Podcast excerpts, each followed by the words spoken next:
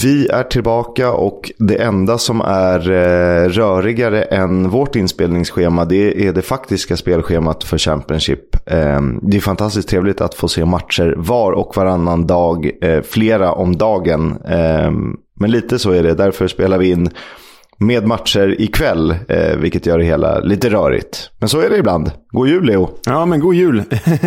god jul och, och eh, god fortsättning på dig. Eh, hoppas du har haft det bra i dagarna. Hoppas du kunnat se någon fotboll också. Eh, det har jag. Eh, det har pusslats med mobiltelefoner och dubbla skärmar och eh, hej kom och hjälp mig. Men eh, fotboll har det tittats på, absolut. Mm, mysigt. Du, eh, jag ställer frågan rakt upp och ner. Eh, Boxing Day är en av de, kanske den största traditionen i engelsk fotboll, förutom play playoff-finaler och liknande. Men varför spelas det egentligen fotboll på annandagen? Ja, det är ju, alltså de brittiska öarna är ju eh, hyfsat ensamma om det här, i alla fall i, i Europa. Sen finns det ju vissa undantag förstås. Men, men eh, eh, det är nämligen så att det här har sitt ursprung, om vi liksom går till det egentliga ursprunget, liksom förbi fotbollens dagar, långt bak i tiden, så heter det ju Boxing Day för att man unboxar gifts, you unbox presents. Och det, den traditionen kommer från den tiden, det är inte så länge sedan, men då de rika gav presenter till de fattiga. Och då inte så här, liksom, inte jättebarmhärtigt att de rika gick ut och var några Robin Hood-figurer, utan snarare att det var de den rika adeln som gav eh, eh, presenter till sina tjänare, hushållsarbetare och annat tjänstefolk var tydligen oftast lediga på annandagen och kunde då gå hem till sina familjer för att ge dem presenter i sin tur. Unboxing boxes, helt enkelt. Men fotbollsmässigt så är det tydligen så att eh, före matcher började tv-sändas så var det full omgång på juldagen Alltså den 25 december, alltså den dagen man typ öppnar presenter i, i England. Ja, ni vet ju, vi öppnar ju den 24 och många öppnar ju den 25 i, i, i Storbritannien. Men eh, det var full omgång på juldagen. Det tycker jag ändå är rätt fräckt. Tänk dig att gå liksom ut på julafton och kolla på lite fotboll och sen komma hem och öppna presenter vid granen. Det låter mysigt, tycker jag. Ja, vilken dröm. Det ska vara så, tycker jag. Men 1957 var sista gången i Storbritannien som fotboll spelades på juldagen. Och eh, det flyttades på grund av att matcher började tv-sändas. Eh, och eh, då eh, kom fotbollen att läggas på Boxing Day istället för att visa att fotbollen kommer igång direkt efter jul. Eller ja, det är ju faktiskt under jul, men efter inom citationstecken. Eh, och till en början var det så att det var bara lokalrivaler som möttes eh, på Boxing Day för att det var för svårt att ta sig till eh, andra städer eller ta sig längre bort eh, givet eh, trafik och underlag på den här tiden. Så traditionellt sett alltså juldagsmatcher som blev annandagsmatcher och man bara hade rivalmöten ännu, ännu drömmigare med, ett litet, eh, med ett litet eh, krystat EFL-podden-derby där som vi har döpt på något fint sätt eh, på annandagen. Fågelderbyn och Derby della Spiaggia och allt vad heter. eh, ja, det är härligt. Eh, vi kör igång.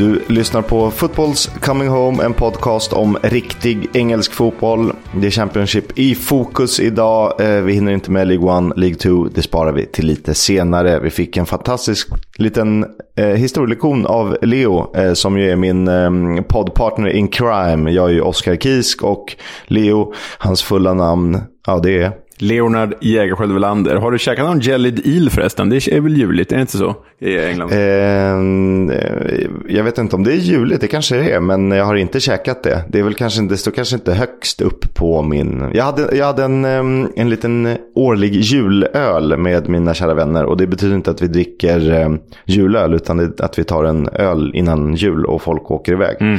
Eh, så då var vi på en pub i Stockholm och käkade bangers and mash oh. och någon eh, gav sig på beef Wellington. Men bangers and mash är ju liksom... Ja, det är fantastiskt. Bangers and mash. Ja, riktigt bra. Eh, så är det ju. Eh, vi ska påminna om resan också. Eh, unknown destination, eller destination unknown i nuläget. Men vi jobbar på eh, alternativ eh, som är smidiga givet flygresa till Manchester, Yorkshire högst upp i nuläget. Eh, hur det går, det får vi se. Mm, följ med oss, det blir spännande. Vi ser vart vi hamnar, fotboll blir det. Ja, och England och bangers and mash och, och ett par pints kan vi nog utlova. Ja, kolla eh, länken på sociala medier eller gå in på nickes.com så får ni se att Blackburn Wigan har omvandlats till Yorkshire eller någon annan plats i Lancashire. Exakt så. Eh, vi börjar eh, att eh, summera Boxing Day och det startade strax utanför London där Watford tog emot Millwall och det var eh, hungriga lejon, lejon för att vara lite rubriktöntig. Mm, jo tack. Eh, och vad är en stag? Vad är, vad är en, vad är, det är en heart i Watford som blev med. Det är någon slags hjort. Ja, det är det nog. Dovhjort eller någonting. Ja, de blev, de blev ju ett enkelt byte för de hungriga lejonen om vi ska fortsätta på den. Eh, allegorin. Nej, men, eh, det var ju en riktigt stark seger av Millwall här. Att åka till Vicarage Road och vinna med 2-0 som de faktiskt gör. Det, det hämtar man ju inte hem varje dag efter att Slaven Bilic blev, blev eh, tränare för The Hornets. Så ja, men ruskigt stark victoria av Millwall. Andreas Fogelsammer tysken Kevin Bader, vår klippare, god jul på dig. Och Sian Fleming, eh, holländaren, eh, målskyttar för Millwall. Ja, och eh, det var egentligen ingen snack om saken. För Millwall har alltså 23-8 i skott, varav 8-2 på mål. Så att det speglar ju resultatet gans ganska bra. Klart rättvis seger och blott andra förlusten på nio senaste under just Slaven Bilic då.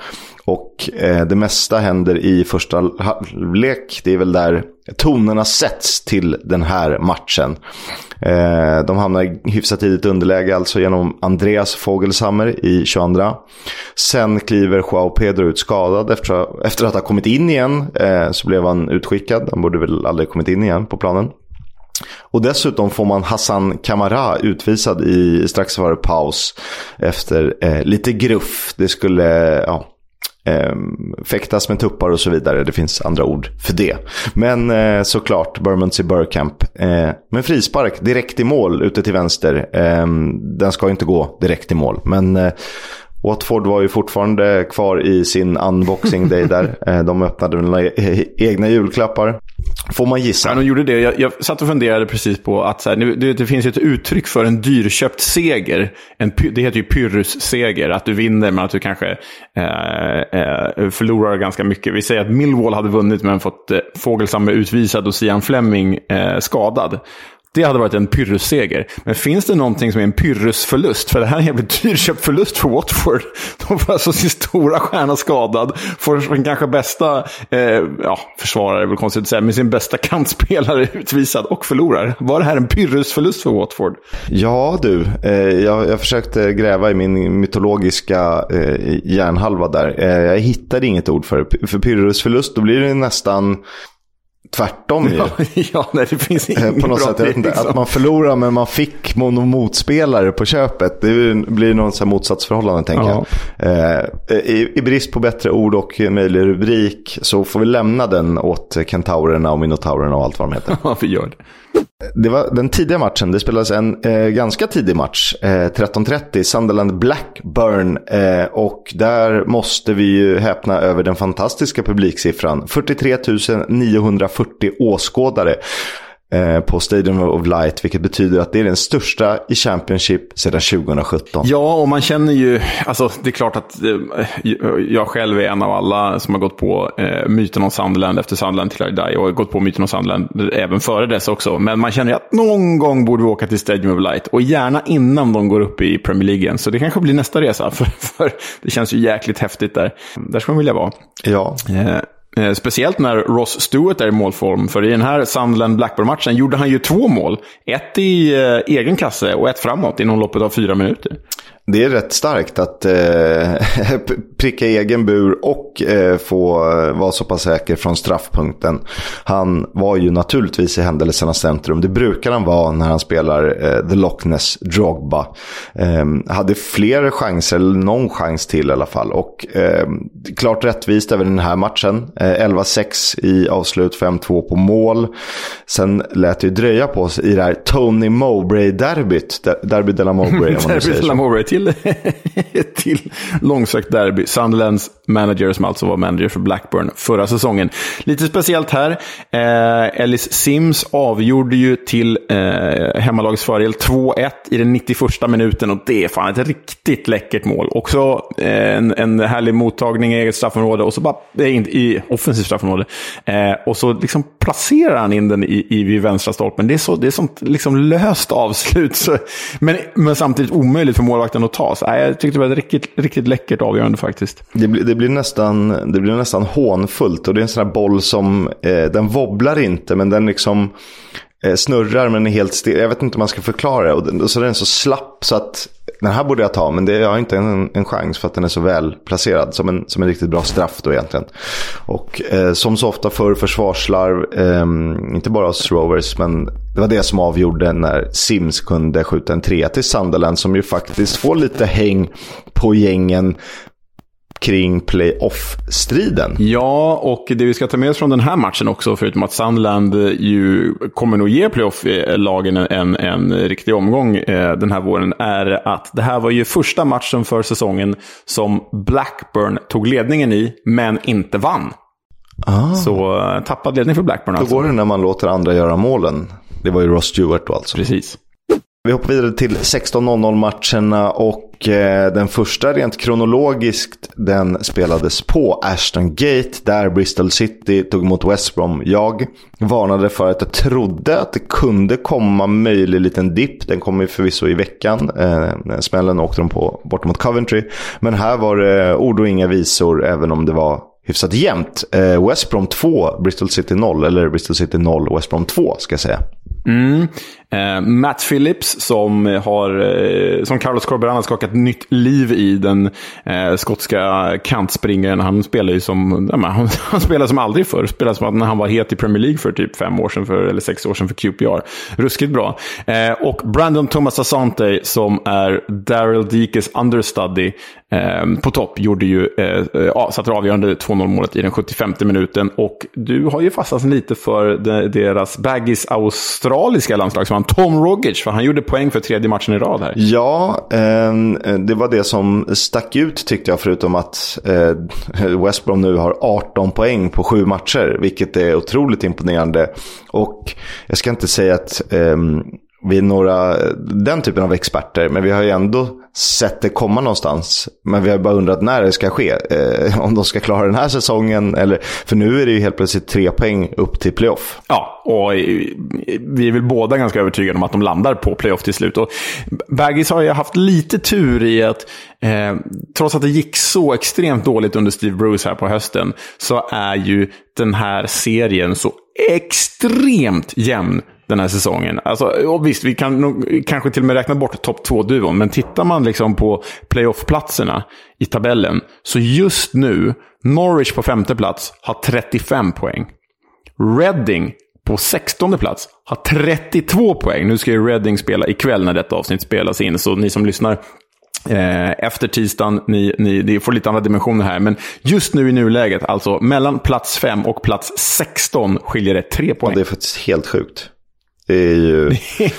det är helt sjukt. Och det, det, kan ju vara eh, en för och nackdel. Men ett lag i form är det såklart en jättefördel att kunna eh, bita sig fast och älga uppåt. Men eh, det kan också rasa ganska fort neråt om, om vissa lag bestämmer sig för att ta poäng. Ja, eh, och, och, så är det ju verkligen. Så, och det här blir väldigt spekulativt. Men liksom, tittar man på tabellen just nu så eh, det är inte helt eh, verklighetsfrånvänt att tänka sig en playoff-strid mellan Eh, ja, det kanske är en 12 lag. Alltså från plats 3 där Blackburn ligger ner till plats 16 där Reading är. Skulle jag nog typ bara vilja plocka bort Birmingham och Reading ur, den playoff, playoff, eh, vår, ur en eventuell playoff-strid. Och då landar vi på en 12, ja, men 12 lag som ska slåss om det här i vår. Det kan bli jävligt kul.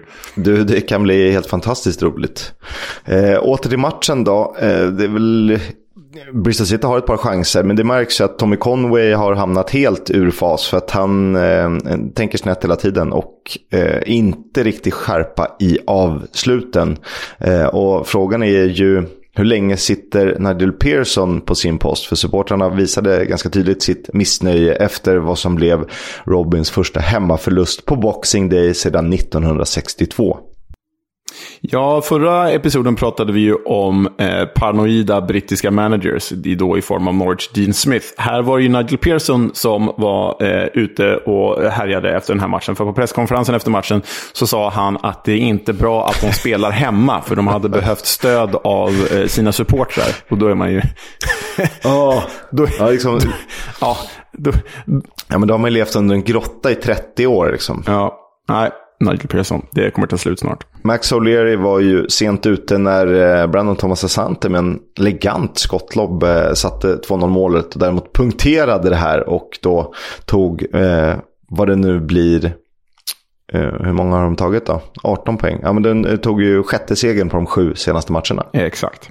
Hull Blackpool 1-1 och eh, det mest uppseendeväckande där, förutom att Hull fortsätter att dribbla bort sig i eget straffområde och bjuda motståndarlagen på ledningsmål var ju att Oscar Estopinan satte sitt första mål sedan början av oktober. Ja, och hur viktigt kommer det inte vara för Hull att försöka få igång honom igen? För jag menar, det enda Hull gör numera det är att spela 1-1 mot skitlag. Förlåt Blackpool. Men, men eh, det är ju, Hall Hull spelar inte på det sätt som gör att man överlever eh, en Championship-säsong säsong. Och då är det av yttersta vikt att de faktiskt eh, eh, kan få igång den gode colombianen på topp. Sen är ju 1-1 hem mot Blackpool inte tillräckligt ändå, men ja, det här får de ta med sig i alla fall. Mål från Estopinian. Ja, och eh, det var båda lagens respektive tredje kryss i följd. Eh, det kanske säger någonting. Det är starkt av Blackpool för de eh, plockade ju en viktig poäng ganska nyligen också på bortaplan. Eh, och de kommer man verkligen att behöva i den här Och de styr ju delar av den här matchen får man väl ändå säga. Vinner skottstatistiken med 5-1 och hade absolut kunnat göra något mål till. Även om det i övrigt var jämnt. Men det är lite hall på något sätt. De brukar ju ligga på 60-63% bollinnehav och skapar ju typ ingenting förutom någon halvchans som han Estopinan kan sätta huvudet på Oftast utanför, numera i mål då kanske. Ja, man ska ju säga att här att liksom Blackpool eh, eh, var ju decimerat redan före avspark. Saknade ju flera spelare återigen för, för eh, andra eller tredje matchen i rad. Skador eh, eh stör ju för Seasiders. Men så blev ju Jordan Thornley utvisad i 53 minuten också vid ställningen 1-0 till eh, The Seasiders. Eh, så mm, att ändå få med sig 1-1 på bortaplan mot en bottenkonkurrent, det blir ju viktigt med tanke på de ganska jobbiga förutsättningarna för The Tangerines. Eh, och det pekar väl på att Hall, att det här är liksom extra svagt av Hall, för det, det, det, det är ju inte bra. Jag läste faktiskt en analys efter den här matchen om att Liam Rosinier måste eh, få in nytt spelarmaterial eller så måste han inse att materialet inte räcker till att spela sig ur svåra situationer.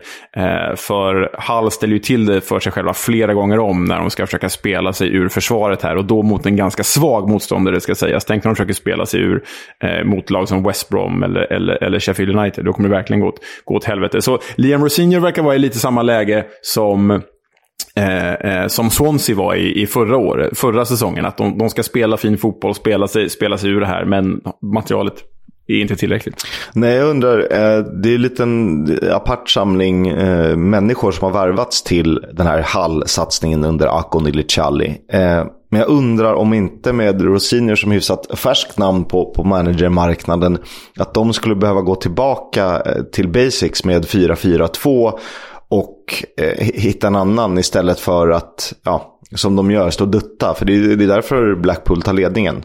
Och av det lilla man har sett av Hall den här säsongen, eller det, det man har sett av Hall, så känns det som de behövde lite tydligare, rakare spel. Skicka den långa och försök hitta eh, Estopinan i fart som ja, här skapar han ju både utvisningen och målet. Exakt. Nej, men eh, det här, ska de spela på det här sättet så behöver de tid och tid har de inte.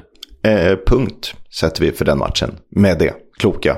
Det går bra för en viss svensk, det går bra för alla svenskar i den här serien. Men han är ju bara näst formstarkast av eh, anfallarna. För ehm, eh, vi ska vänta lite med, med Victor Gyökeres. Eh, för i den här matchen mellan Middlesbrough och Wigan slutade det 4-1 och allt, eller det mesta, handlade om Chuba Akpom. Mm, den eh, forna Arsenal-talangen som eh, ja, spelar sin karriärs bästa fotboll, får vi väl säga. Har ju inte varit så lyckad annars, eller levt upp till de lovord som, som eh, omgärdade honom i hans ungdom. I den här 4-1-matchen gör ju då Shuba Akpom hattrick. Eh, 49, 59 och 90 minuten mot Wiggen, vilket innebär att han nu delar skytteligaledningen på 12 baljor med Viktor Gyökeres. Ja, det, det, jag såg också någonstans, skriv skrev inte ner den siffran idiotiskt nog, men eh, före Michael Carrick tog över eh, Middlesbrough, då hade Shuba Akpom gjort typ 12 mål på 120 matcher. Eh, på de 120 senaste matcherna. Och nu har han gjort 8 på 8 sen Michael Carrick tog över. Ja, det är, han har verkligen fått ordning på honom. Dessutom har ju Marcus Fors, eh, som vi ändå får kallas någon, klass, någon slags storvärvning, eh, satt en balja i den här matchen och eh, gav Millsburg ledningen. Eh, och det, den här matchen slutade alltså 4-1 precis som den gjorde eh, tidigare i höstas eh, då Borough borta slog Wigan med 4-1. Otroligt sjukt. Och det är väl, om jag läste rätt, så är det första gången Borough tar en ligadubbel över Wigan. Eh, det kan också ha att göra med att de har eh, varit, skiftat i kvalitet upp och ner. Mm.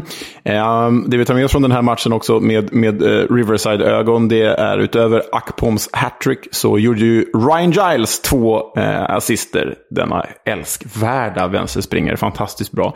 Så får man igång Shuba Akpom och Ryan Giles så är ju en playoffplats absolut inte omöjlig för detta Borough. Om vi tror att West Brom kan hamna på topp 6 så tror vi verkligen att, eller i alla fall jag, att Middlesbrough också kan hamna där. Ja, och Ryan Giles är alltså uppe i ensamt majestät i assistligan. Eh, kul att vi får rätt där. En poäng på tre matcher för Colo Touré. Ehm, eh, jag vet inte vad det säger riktigt. Eh, ingen bounce-effekt i alla fall, men han, han ska väl och vill väl ha tid också. Ja, haft väldigt svårt spelschema. Det har varit tre riktigt svåra motståndare också. För ett decimerat Wigan, de saknar ju två av, ja, de saknar sina två ordinarie mittbackar. De saknar två av, och de har fyra i truppen. Så ja, är lite jobbigt läge för Wigan. Kul dock att Telo Åsgård fick eh, noteras i målprotokollet, även om det hjälpte föga just eh, den här gången. Då. Mm.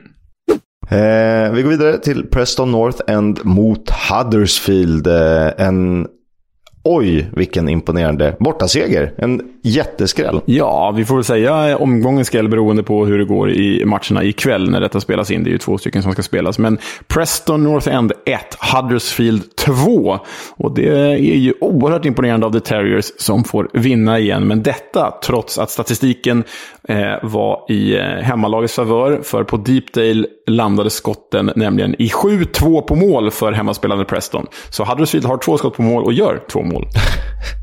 Ibland är det det. Det är ju Carlos Corberan-takter där. Precis så faktiskt. Det såg ju eh, dock ut som det kunde bli en hemmaseger här faktiskt. Ja, nej men visst. Greg Cunninghams ledningsmål efter en dryg halvtimme stod sig ju till bara kvarten kvar. Då Jordan Rhodes kunde kvittera eh, till 1-1. Och det innebär ju att det var hans 20, 122 mål i The Championship. Och med det är han uppe i ensamt majestät på andra platsen i, i den historiska skytteligan. Han eh, ligger ju förvisso åtta mål bakom Billy Sharp som har gjort 130 mål i The Championship. Men Rhodes ligger nu alltså ett mål före David Nugent som han delade andra platsen med tidigare. Nu är eh, Rhodes eh, vice historisk. Exakt.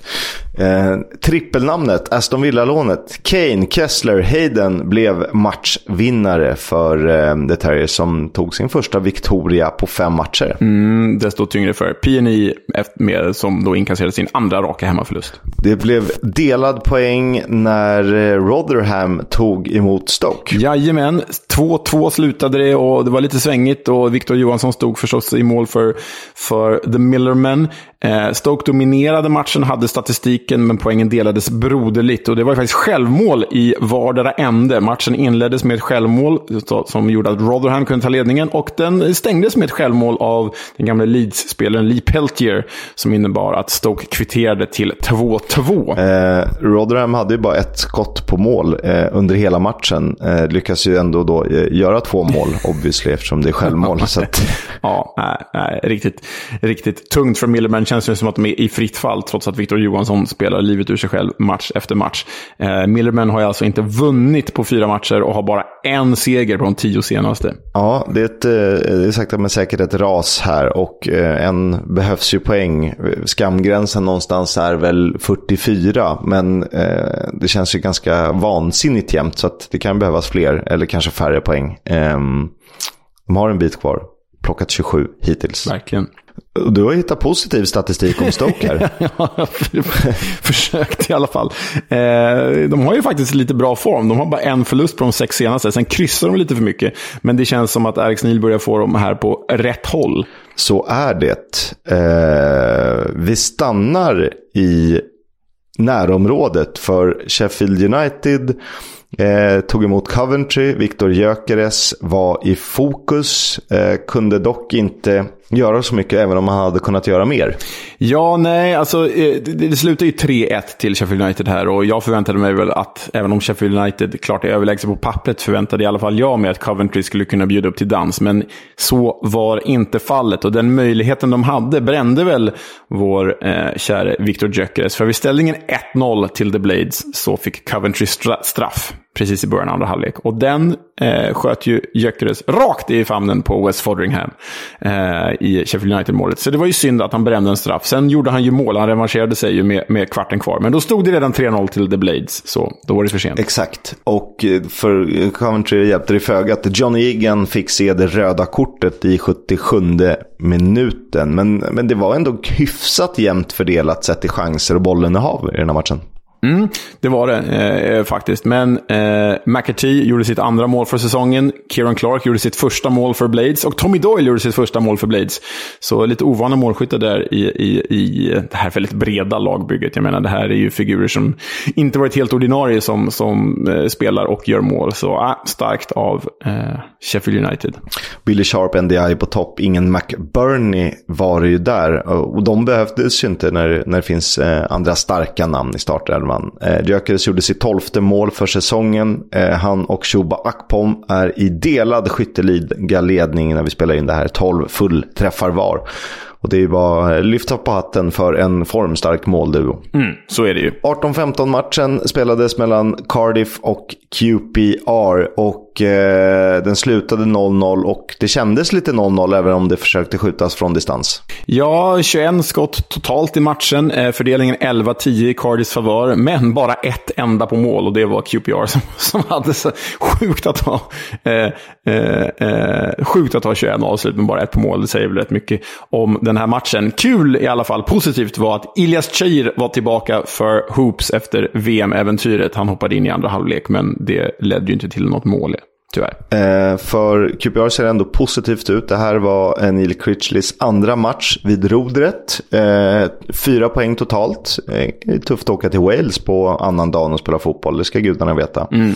Dessutom två raka nollor, så att, eh, det här kanske är skönt att landa lite, försöka trygga defensiven. Ja, men verkligen, det är starkt. sen Cardiff är ju typ seriens trubbigaste lag förvisso. Men det är ändå en stark start av Neil Critchley. Cardiff, hemmalaget, har dock bara en seger. Nej, de har faktiskt inte ens vunnit på de sex senaste matcherna. Så ja, eh, det känns ju som att fritt fall-gängen just nu är Rotherham och Cardiff. Får se vart de landar båda två. Det spelades en till match på Boxing Day. Det var en sen avspark 2045 och eh, Luton tog emot Norwich på Kenilworth Road. Ja, och som de tog emot dem. Det slutade förvisso bara 2-1 här, men alltså eh, Hatters inledning av den här matchen, den var... Eh, jag firade födelsedag med att kolla på den här matchen. Eh, nämligen, och... Eh, eh, eh men alltså, som Luton körde med Norwich som första 10, 20, till och med 30 minuterna. Alltså på riktigt, jag överdriver inte om jag säger att det hade kunnat stå 3-0 till Luton efter 10 minuter. De har så bra lägen. Adebayo bränner ju i princip ett öppet mål med sin, med sin nick strax utanför stolpen. Och e-, efter 27 minuter hade det kunnat stå 5-0. De hade så mycket bra chanser. Men både Ribban och Angus Gunn stod i vägen. Angus Gunn gjorde en riktigt bra tillställning i, i Norwich mål. I alla fall fram till, till Lutons 1-0-mål. För den bör han kanske ha. Ja, eh Eh, han kanske ska det. Men det är, det är en grek i fokus där i alla fall, om inte annat. Jo, det var ju så. Det, eh, eh, ledningsmålet föranleddes ju av att Adebayo tvingades utgå eh, på grund av skada. Och in kom den gamle gamle, gamle, gamle Norwich-anfallaren Cameron Jerome. Eh, och det första som händer i princip är att en långboll upp mot Jerome. Eh, bollen nickas ner framför eh, Norwich eh, straffområde. Men då är det Norwich-spelaren Dimitris Januli som har bollen. Han passar dock rätt i gapet på Alan Campbell i Luton som säger tack och adjö. Rycker ifrån och skjuter ett skott mot mål. Och den rätt taffliga beskrivningen där, ett skott mot mål, eh, eh, är ändå rätt träffande. För det var bara ett skott mot mål. Alltså, det var inte ett speciellt bra skott, det var bara ett skott på mål. som Angus Gunn släppte in. Det var liksom inget bra skott. Men 1-0 blev det. Alan Campbell. Sen lyckades ju Norwich replikera hyfsat snabbt. Åtta minuter tog det innan Temo Pukki hittade nätet. Och då var det ju utjämnat till 1-1. Men eh, mer skulle hända i, på The Kenny. Ja, jag måste bara säga att det är ett riktigt klassmål av Teemu Pukki här. Vänder bort sin försvarare och får in den vid, vid bortre stolpen. Och sen är han ju ytterst nära att ligga bakom en 2-1-ledning för Norwich istället. För han vispar ju in ett inlägg till olycksfågeln Janolis som nog borde nicka in en kvittering där. Istället nickar han den långt utanför. Så Janolis en riktigt kass match för Norwich. Men det blev ju nämligen så att Gabe Osho visades ut med 10 minuter kvar för Luton. Lutons andra röda kort på två matcher. Eh, men det spelade ingen roll, för det var Luton som eh, avgick med segern här. Coley Woodrow prickade in avgörande målet i den 89 minuten. Och det här kan ju bli en jättejoker om man får igång honom. För att hans högsta nivå i form och skadefri och allt sånt där är ju ja, toppen av the Championship om inte annat. Ja, nej, men alltså så, så bra som han varit tidigare för Barnsley.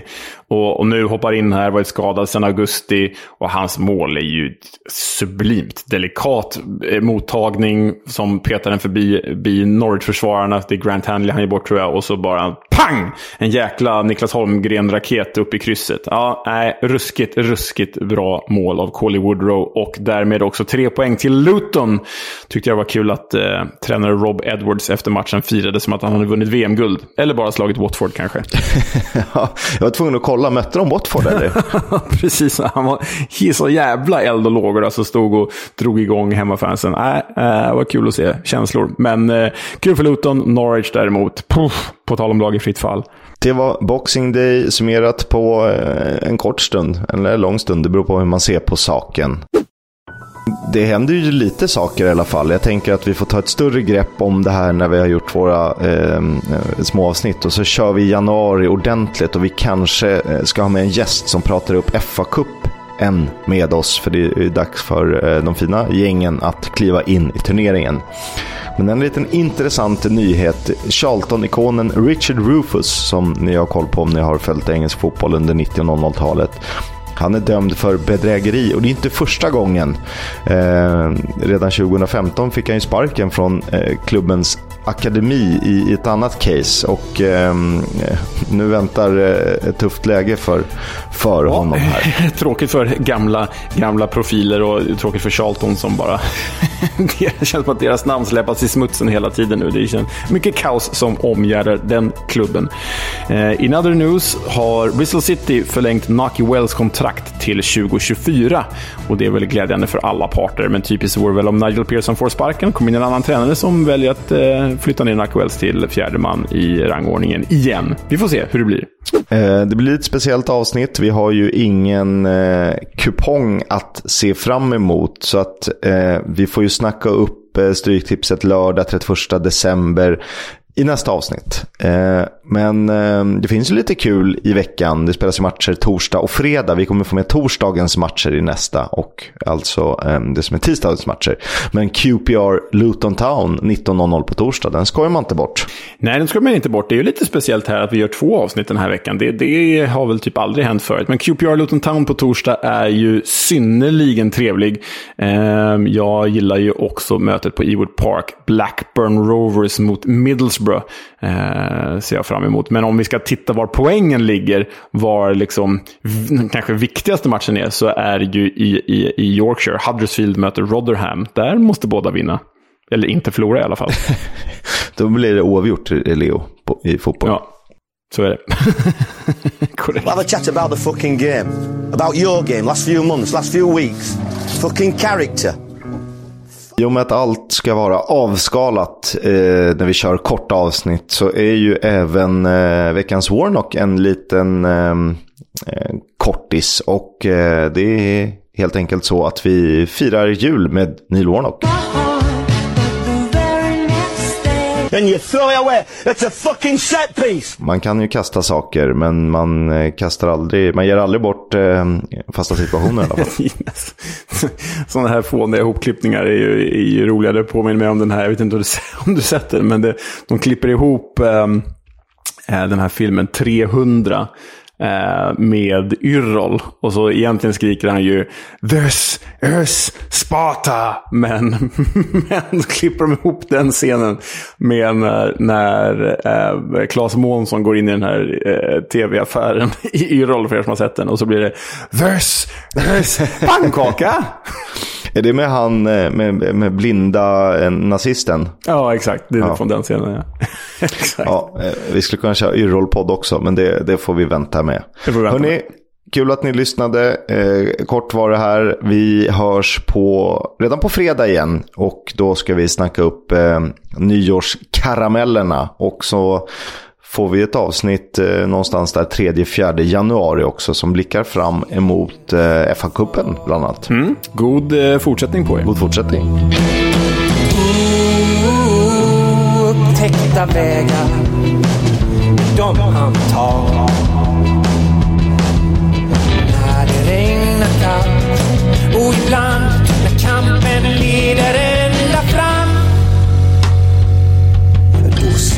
Ses vi på lördag